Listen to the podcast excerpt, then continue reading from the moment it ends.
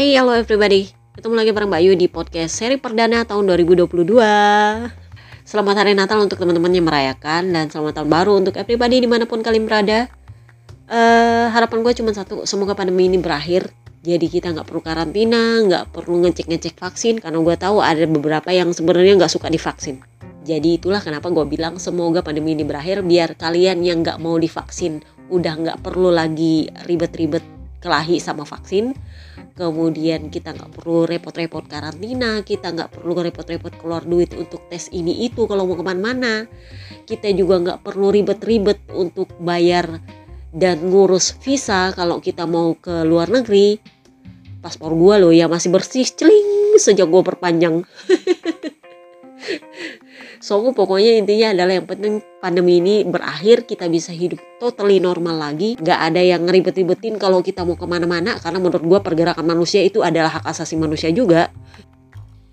So karena kita absen podcast sekitar dua minggu, ya lumayan banyak juga sih yang mau dibahas. Yang pertama kita bahas adalah soal jurun rakor. Nah sebelum Natal kemarin memang dia dikabarkan melakukan pemeriksaan untuk matanya. Jadi dokter itu memutuskan untuk nggak melakukan operasi pada matanya. Kabar baiknya menurut Honda itu karena kondisi diplopianya, penglihatan gandanya itu udah mulai membaik. Jadi yang awalnya e, penglihatan gandanya itu parah banget, nah sekarang itu katanya, katanya sih udah mulai fokus, tapi belum fokus-fokus banget. Nah, yang nggak terlalu bagusnya, kalau nggak bisa dibilang buruk sih, dokter itu gosipnya emang nggak mau melakukan operasi sama matanya Mark Marcus. Kenapa? Karena saraf ini udah pernah dioperasi sebelumnya. Dan kalau mau dioperasi sekarang itu resikonya katanya lebih tinggi. Jadi dokter lebih memutuskan untuk melakukan pengobatan konservatif untuk melihat untuk melihat seperti apa sarafnya ini pulih sendiri. Jadi yang diharapkan adalah kondisi fisik Mark Marcus yang akan memulihkan matanya sendiri. Nah, karena menurut Honda kondisi diplopianya ini mulai membaik, dokter memberikan izin bahwa dia bisa melakukan aktivitas fisik. Jadi sebelum tahun baru kemarin itu dia diizinkan untuk melakukan aktivitas fisik di dalam ruangan, jadi cuma di gym. Nah setelah tahun baru, dokter mengizinkan dia untuk melakukan aktivitas fisik di luar ruangan. Nah itulah kenapa kemarin dia posting dia lagi jogging di luar bareng sama anjing-anjingnya. Tetapi yang buruknya adalah karena operasi tidak dilakukan, dokter tidak mengetahui dengan pasti kapan dia bisa sembuh total. Jadi ini kekurangannya kalau lu nggak operasi. Kalau operasi, lu bisa tahu oh kira-kira ini jaringan yang dioperasi ini pulihnya kapan, bisa dipakai kapan. Nah kalau nggak dioperasi dan karena itu saraf, jadinya ya dokter juga nggak tahu kapan bisa pulihnya. Nah itu yang menurut gua adalah berita buruk yang coba disembunyikan oleh Honda. Jadi keluarganya Mark Marcus diwakili oleh Alex Marcus itu mengatakan bahwa targetnya mereka itu Mark Marcus turun track di tes Sepang. Artinya di awal Februari. Menurut gue sih agak-agak ambisius ya tapi bukan keluarga Marcus kalau nggak ambisius. Kemarin juga kan dia sampai pecah plat itu gara-gara dipaksa untuk latihan di gym untuk angkat beban berat. Waktu itu dengan harapan dia bisa turun track lebih cepat dan lengannya pulih lebih cepat waktu itu. Tapi kan pada akhirnya justru dia harus operasi sampai tiga kali. Ya gara-gara itu juga pecicilan. Padahal sebenarnya bukan salahnya dokter sih kalau menurut gue itu salahnya dia sendiri pecicilan segala macam dibikin. Ngerti nggak? Nah jadi ambisiusnya keluarga Marcus ini adalah membuat dia turun trek di tes Sepang. Honda itu memberikan toleransi sedikit lebih lama. Jadi Puig mengatakan Honda tidak membayangkan akan memulai musim tanpa Marquez. Artinya, Marquez ditargetkan sudah ada di starting grid di GP Qatar nanti. Nah, GP Qatar itu kan Maret, jadi sebenarnya masih lebih lama lah tenggang waktunya. Kalaupun bisa lebih cepat ya syukur. Karena Honda memang pengennya Mark Marquez itu sudah mulai mendevelop motor dia sendiri di awal musim. Kalau dia memang lihat Jordan musim ini dan gue sih berhembus sepoi memang petinggi Honda udah mulai wanti-wanti ini sama Puig. Eh Puig ini ridermu kita udah gaji 4 musim 15 juta euro per tahun. Nah masalahnya udah dua musim dia nggak perform. Sebenarnya sih bukan masalah gaji karena masalah gaji kan udah di cut kemarin udah dipotong-potong loh. Yang masalahnya adalah gelarnya. Jadi Honda maunya kalau memang Mark Marquez gak bisa bikin Honda Jordan lagi, ya cari rider lain yang bisa bikin Honda Jordan. Itulah kenapa kemarin mereka ambil Snake Taro. Sebenarnya Snake Taro ini ditawar oleh Honda skenario-nya adalah untuk mendepak Paul Espargaro. Jadi waktu itu kan si Mark Marquez masih belum diplopia, baru menang di Wisano kalau nggak salah kemarin. Jadi sebenarnya yang mau didepak itu adalah Paul Espargaro. Tetapi karena tiba-tiba Mark Marquez diplopia dan kondisinya ini adalah nggak bisa diprediksi kapan bisa turun trek, jadi rencananya memang tetap berjalan tetapi rider yang akan didepak itu bukan Paul Espargaro. Jadi itulah kenapa gue bilang putus kontrak diem-diem. Gosip berhembus sepoi-sepoi kalau sampai tengah musim Mark Marquez masih belum turun track itu mereka akan mengontrak rider lain. Itu gosip dari Opa Pernat nah karena Sektaro gosipnya itu meminta gaji 20 juta euro per musim nanti kita bahas soal gajinya Sektaro ini ya nah mereka kabarnya mulai calling-calling nih Jordan yang nggak dianggap siapa Joan Mir sebenarnya kalau menurut gua agak sulit buat Joan Mir untuk tertarik kecuali kalau ditawari gajinya tinggi. Setinggi apa Mbak Ayu? Menurut gua 8 juta euro pun itu cukup untuk membuat Yuan Mir pindah ke Honda. Kenapa? Karena gaji dia di Suzuki itu gak sebanyak itu. Dia Jordan kemarin itu pun itu gak sebanyak itu naik gajinya. Kalau nggak salah gaji dia itu sekitar 4 juta euro, 5 juta euro sekarang di Suzuki. Masih kecil banget. Jadi cukup ditawari 6 juta sampai 8 juta euro dia itu pindah. Bisa kalau menurut gue asal dia yang pegang pengembangan meskipun gue masih ragu apakah dia bisa mengembangkan motor atau enggak. Karena di Suzuki itu GSX membaik itu lebih kepada hasil pengembangannya Alex Rins. Kalau di podcast sebelumnya kalian udah dengar kan gue bilang yang ngembangin Suzuki itu sebenarnya Alex Rins bukan Johan Mir. Johan Mir itu yang berhasil mengkonversi hasil pengembangan Alex Rins menjadi Jordan karena Alex Rins kemarin apes mulu apes mulu kurang lebih seperti itu tetapi kalau memang Johan Mir bisa mengembangkan di Honda ya why not karena yang dibutuhkan Honda adalah rider yang mental juara itu dulu yang pertama Kenapa? Karena kalau lu udah mental juara, secara otomatis lu akan mempus diri lu gimana caranya supaya motor lu ini bisa juara. Nah itu mulai arahnya ke pengembangan. Jadi dilihat lagi apakah dia mampu mengembangkan atau enggak, tapi mental juara dulu yang diperlukan. Itulah kenapa mereka tertarik sama Johan Mir. Dan menurutnya Opa Pernat, paling enggak di awal musim, paling telat tengah musim itu negonya udah selesai. Honda dengan Johan Mir. Itulah kenapa gue bilang kalau sampai tengah musim Mark Marquez nggak turun track, itu mereka harus kontrak rider lain. Memang kontraknya Mark Marquez itu masih lama, tetapi ya kembali lagi gue bilang putus kontrak diam-diam.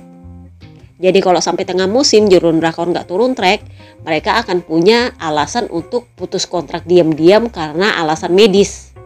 Atau kalau nggak ya nunggu Marcus mundur sendiri. Lalu nanti kalau Mirko Honda siapa yang mau gantiin di Suzuki? Ya banyak, bisa mengut dari Moto2 boleh, mau ambil dari satelit yang dibuang si Jack Miller mau pindah ke Suzuki juga boleh. Karena Jack Miller dan Johan Sarko adalah rider yang nyaris di depak dari Ducati. Itu butuh keajaiban kalau mereka mau bertahan, terutama Jack Miller ya.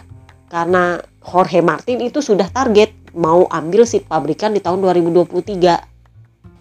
Meskipun menurut gue bestshotnya Honda masih tetap bagusnya Jack Miller. Cuman ya kalau mereka mau cari Jordan ya mau nggak mau harus Johan Mir. Kenapa? Karena Jordan zaman now selain Mark Marquez ya Snake Taro di Johan Mir karena Snake Taro minta gajinya ketinggian ya kasihnya Yuan Mir. Yuan Mir itu lu modal 6 sampai 8 juta lu bisa ambil dia. Karena gaji dia sekarang nggak lebih dari 5 juta di Suzuki dengan gelar satu Jordan loh ya. Nah, ngomongin gaji kita bahas nih Snake Taro. Jadi, perkara kontraknya Snake Taro dengan Yamaha itu kemarin secara verbal di Katolika kemarin itu sepakatnya adalah mereka akan perpanjang. Tetapi yang bikin lama bukan cuma soal pengembangan motor, tetapi juga soal gaji. Jadi gosip berhembus sepoi-sepoi, Snake Taro ini minta gajinya 20 juta euro ke Yamaha. Kalau hitungan gua itu 20 juta euro per tahun. Kenapa? Karena Mark Marquez itu gajinya sebelum perpanjangan 4 tahun itu adalah 15 juta euro per tahun. Jadi prediksi gua di empat tahun perpanjangan kontrak yang baru ini gaji dia sebenarnya adalah sekitar 17 juta euro per tahun. Jadi wajar pada saat Honda nggak punya pilihan lain karena Mark Marquez lagi absen, mau nggak mau mereka harus pungut Quartararo. Jadi ya wajar kalau Quartararo minta gaji 20 juta euro ke Honda. Dan gaji yang sama diminta ke Yamaha. Masuk di akal? Jadi sebenarnya belagunya dia itu lebih kepada karena Honda nggak punya pilihan lain selain dia dan Mir. Kalau memang mau cari rider Judun. Jadi istilahnya kayak gini nih manajernya Quartararo. Eh Honda, lu kan Jurdun lu lagi nggak bisa tuh. Lu mesti nyari rider Jurdun lain dong untuk bisa Jurdun. Nah, pilihan lu yang terbaik cuman Quartararo. Tapi Quartararo minta gajinya segini, lu mau nggak? Kurang lebihnya seperti itu. Nah di postingan YouTube gue ada subscriber yang bilang kayak gini, Mbak Yu, gue dengarnya itu bukan 20 juta euro per tahun, itu 20 juta euro per 2 tahun, artinya 10 juta euro per tahun. Ya itu sebenarnya lebih masuk di akal sih kalau menurut gue. Tapi hidungan di atas kertas itu masih tetap mahal banget. Kenapa? Bebe Vale kalau nggak salah gaji tertingginya itu adalah 8,5 juta. Itu dia kondisi sudah berapa kali jurdun loh ya Jordan dari kelas 250 naik naik naik naik sampai dikumpulin jadinya 9 kali Jordan. Itu delapan setengah juta euro per tahun. Tapi selain itu dia juga bawa marketing buat Yamaha. Dia yang membesarkan brand ini. Jadi menurut gua wajar dia digaji mahal karena dia bawa duit jauh lebih banyak untuk Yamaha. Jauh lebih besar dari gajinya. Nah kondisinya Taro dia belum pernah jurun di Moto3, belum pernah jurun di Moto2, dia langsung jurun di MotoGP. Jadi logikanya cuma satu gelar, sudah minta 10 juta euro per tahun.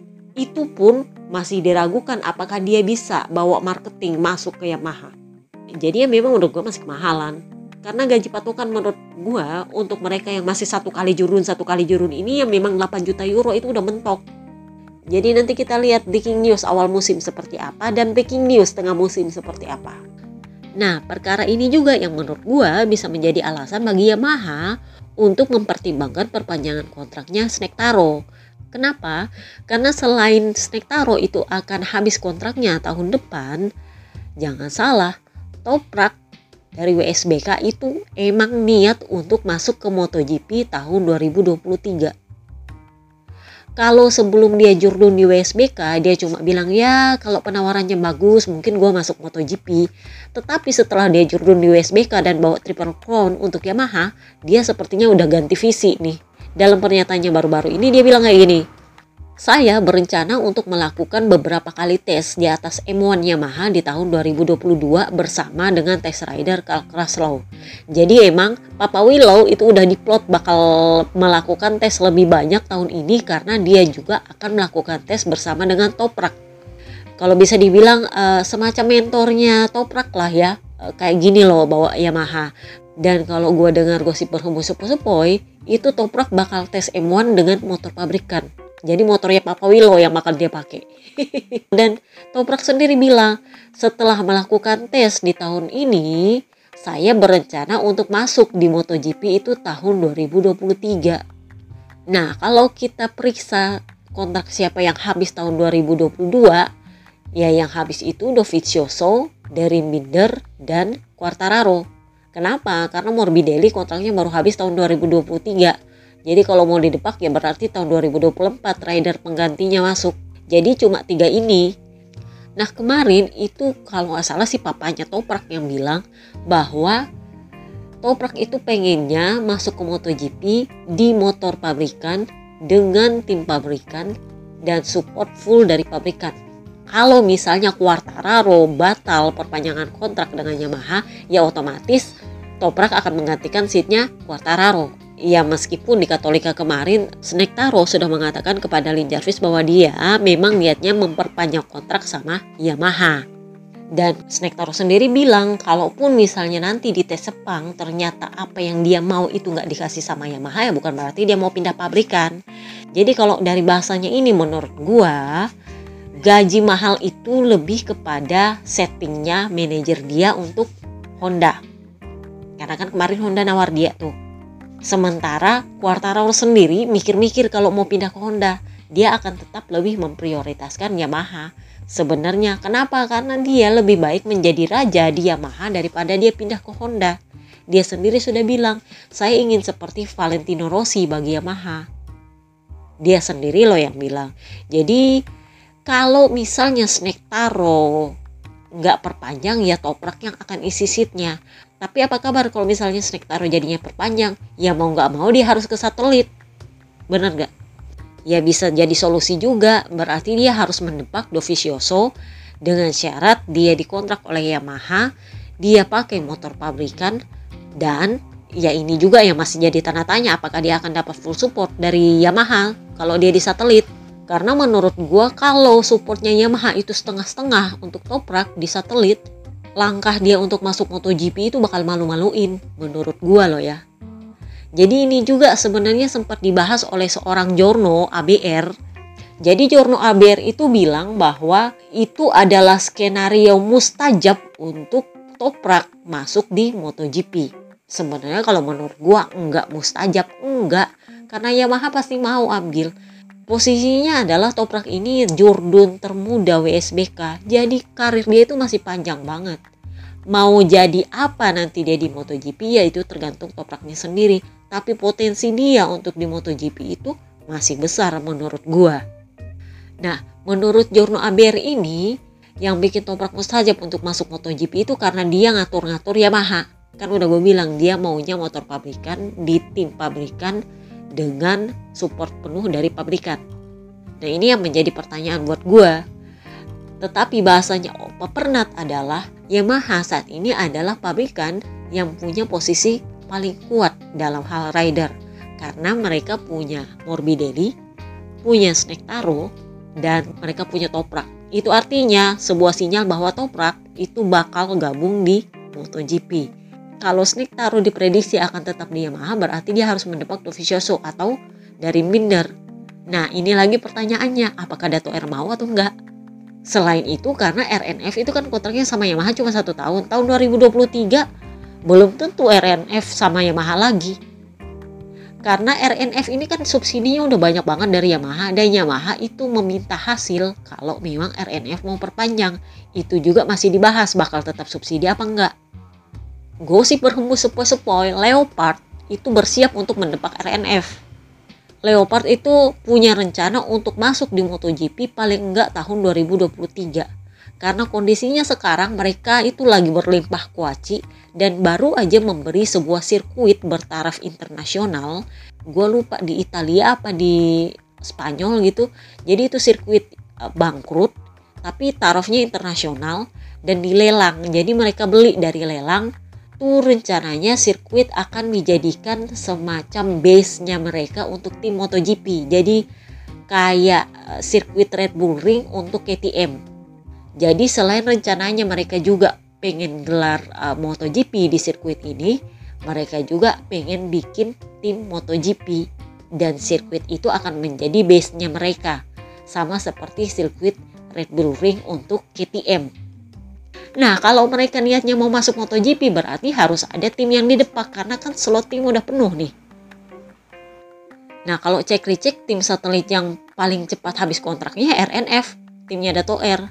Jadi, Leopard itu paling mungkin untuk mendepak RNF. Kenapa? Karena kondisinya Leopard juga lagi berlimpah kuaci dan Yamaha makin banyak lu kuaci makin bagus. Itu berarti subsidi makin kurang dan rider lebih terjamin.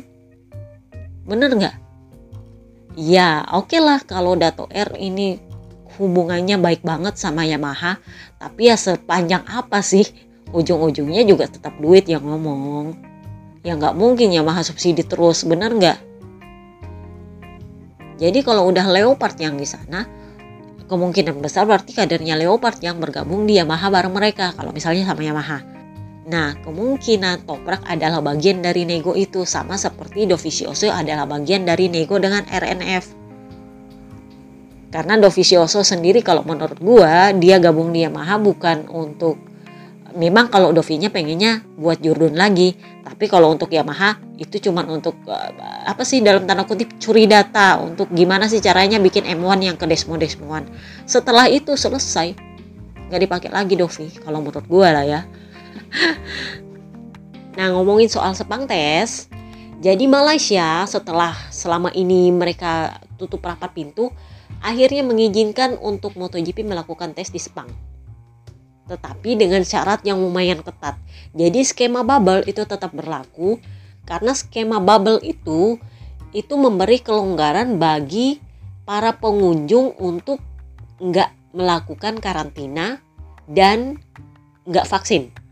Jadi mau lu vaksin atau nggak vaksin, selama tes PCR lu waktu tiba di bandara itu negatif, nggak masalah.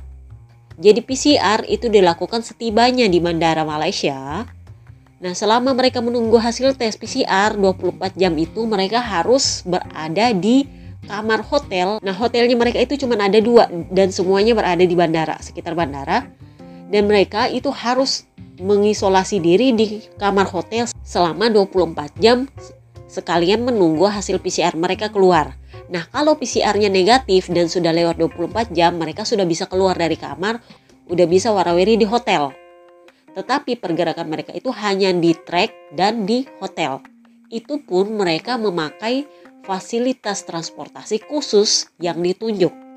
Jadi entah itu pakai mobil dari hotel atau gimana, intinya mereka cuma bisa bergerak dari trek ke hotel. Tidak diizinkan untuk melakukan kegiatan di luar hotel maupun trek. Kurang lebihnya sih seperti itu, itu skema bubble namanya.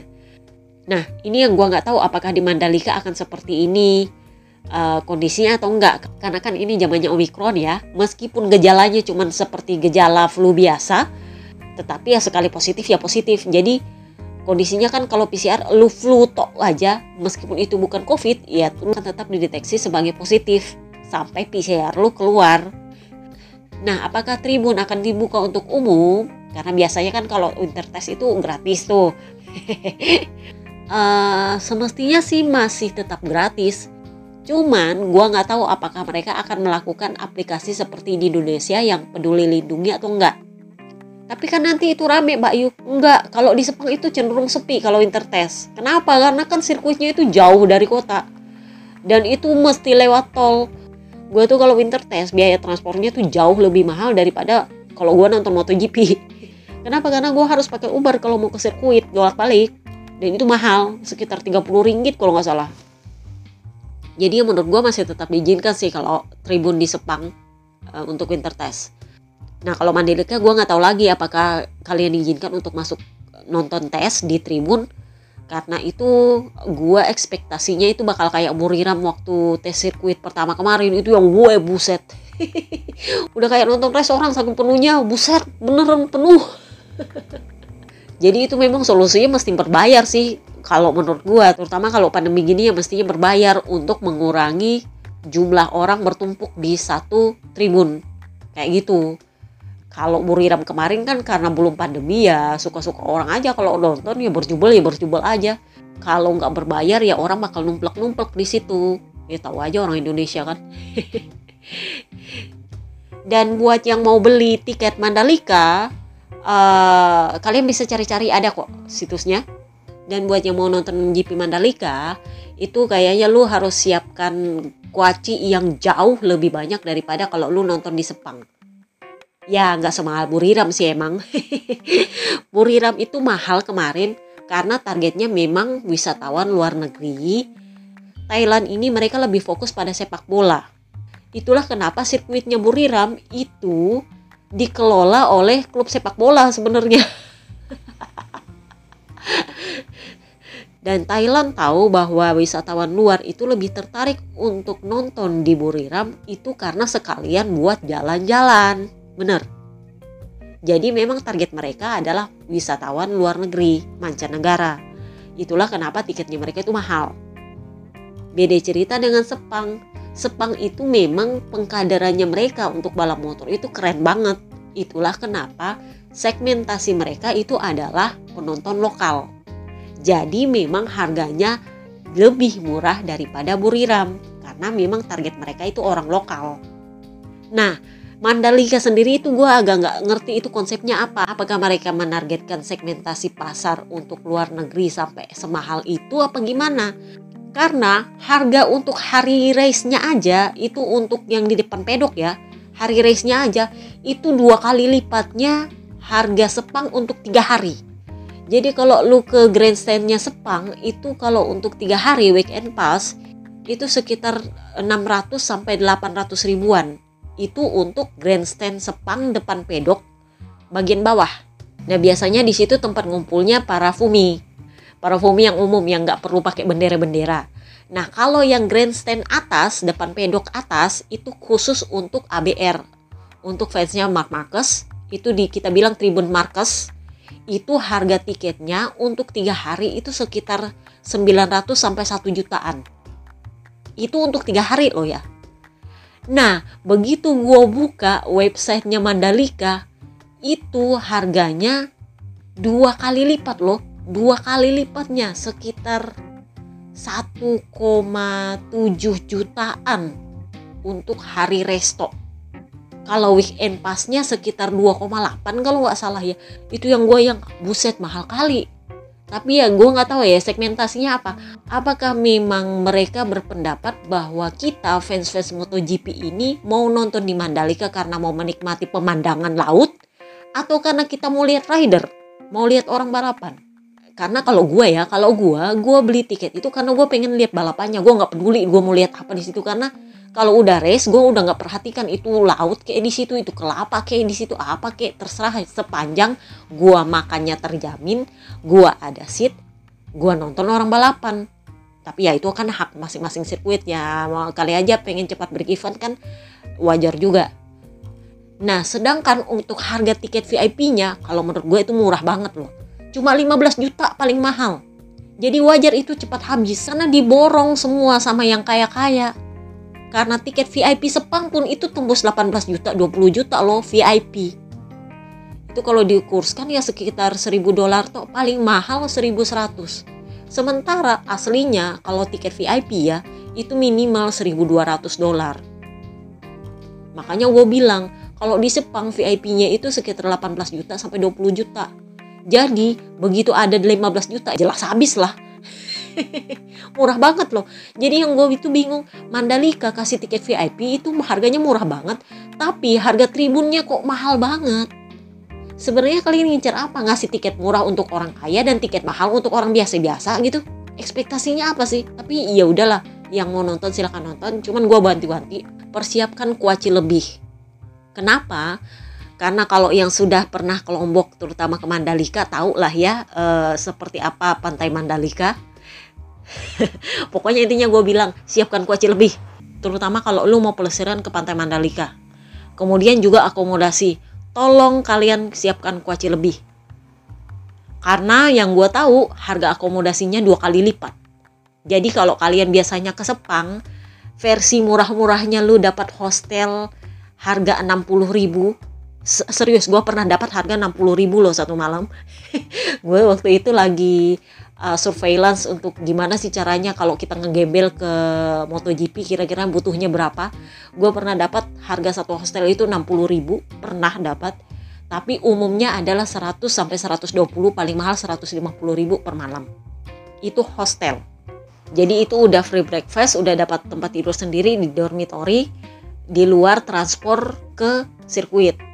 60 ringgit kali ya kalau tiga hari PP soalnya gue nggak pernah ambil weekend pass untuk rapid KL karena biasanya gue kalau habis dari sirkuit itu langsung ke hotel rider jadi nggak ke KL jadi jarang ngambil rapid KL nah itulah kenapa gue bilang kalau kalian ke Lombok siapkan budget jaga-jaga 50% 50% dari budget lu untuk pelesiran akomodasi dan transportasi. Karena gue nggak ngerti ini di Mandalika bakal seperti apa nah sekarang kita bahas lagi soal VR46 jadi kemarin kan gue udah bilang BB Valley itu nunggu sampai tahun 2021 berakhir untuk bisa memastikan bahwa Tanal itu one prestasi terhadap kontrak yang mereka tanda tangan. Jadi memang mereka sudah tanda tangan kontrak tapi belum bayar. Nah, uangnya itu ditunggu sampai tahun 2021 berakhir. Karena tahun 2021 lewat, mereka nggak bisa. Nah, BB Valley memutuskan untuk ganti sponsor Sebenarnya BB Vale itu nggak niat untuk pakai sponsor utama. Awalnya sih nggak niat. Tetapi dia dapat proposal bagus nih dari sebuah konsorsium namanya Muni. Uh, Muni ini sendiri adalah perusahaan kalau bisa gue bilang semacam unicornnya Italia. Jadi mereka ini adalah perusahaan yang uh, bergerak di bidang keuangan, pembayaran, kayak link aja kalau menurut gue yang lebih miripnya. Jadi di situ bisa pembayaran, bisa transfer transfer duit, bisa pembelian uh, online dan juga bisa untuk pembayaran di toko-toko eh, biasa di merchant. Nah, karena perusahaan ini adalah unicornnya Italia, itulah BB Vale berpikir, oh ini ada semangat nasionalismenya. Jadi BB Vale berbendera Italia, VR46 berbendera Italia, Ducati benderanya Italia, Muni juga benderanya Italia. Jadi menurut BB Vale ini uh, nasionalismenya bagus banget. Itulah kenapa BB Vale yang awalnya nggak mau ambil sponsor utama, akhirnya memutuskan untuk ambil sponsor utama. Dan jangan salah juga, kuaci yang ditawarkan itu jauh lebih banyak daripada yang Tanal tawarkan. Kenapa? Karena ternyata sponsornya Muni ini bukan cuma di MotoGP dan Moto2 untuk VR46, tetapi juga untuk VR46 Academy. Dan sebagai sponsor untuk BB Vale balapan roda 4 di musim ini. Jadi mestinya sih di Gulf 12 Hours eh, Abu Dhabi ini Muni juga ada sponsornya. Cuman gua nggak tahu ini kan kondisinya BB Vale nggak turun nih. Apakah Muninya ngikut atau enggak? Kita nggak tahu di balapan yang mana yang dimaksud sama BB Vale bahwa Muni akan menjadi sponsor untuk balapan roda empatnya. So itu aja yang kita bahas kali ini. Semoga nggak kepanjangan karena gue pasti harus ngedit lagi. See you next time guys. Semoga minggu depan kita nge-podcast lagi. Bye bye.